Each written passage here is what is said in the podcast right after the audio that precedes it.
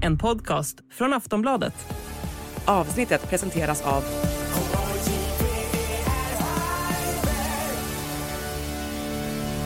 Stödlinjen.se, åldersgräns 18 år.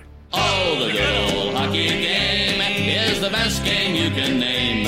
And the best game you can name is the good Hallå, hallå, hallå, hallå, hallå, hallå! Ja, då har jag och Per Bjurman precis spelat in det 409 avsnittet av NHL-podden där vi bland annat dissekerar den stora traden av Toronto där man bytte till sig Ryan O'Reilly, St. Louis lagkapten. Ett statement av den lite pressade general managern Kyle Dubas. Och så pratar vi om den allt mer intensiva jakten på Patrick Kane som ju slog till med ett hattrick härom helgen och boostade sitt tradevärde ytterligare. Och så lite mer övrigt tradesnack som det såklart måste bli den här tiden på året.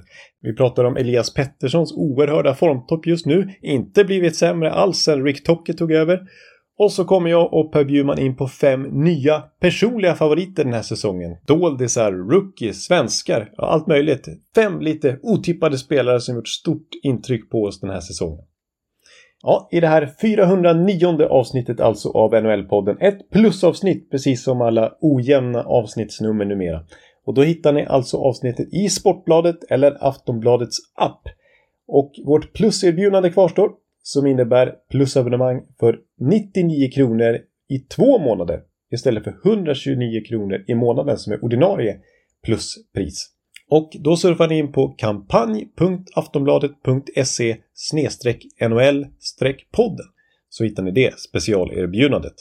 Samtliga NHL-podden avsnitt finns även att hitta hos Podmi och där kostar ett månadsabonnemang 79 kronor. Ja, så alltså hos Podmi eller i Sportbladet eller Aftonbladets app hittar ni det här avsnittet.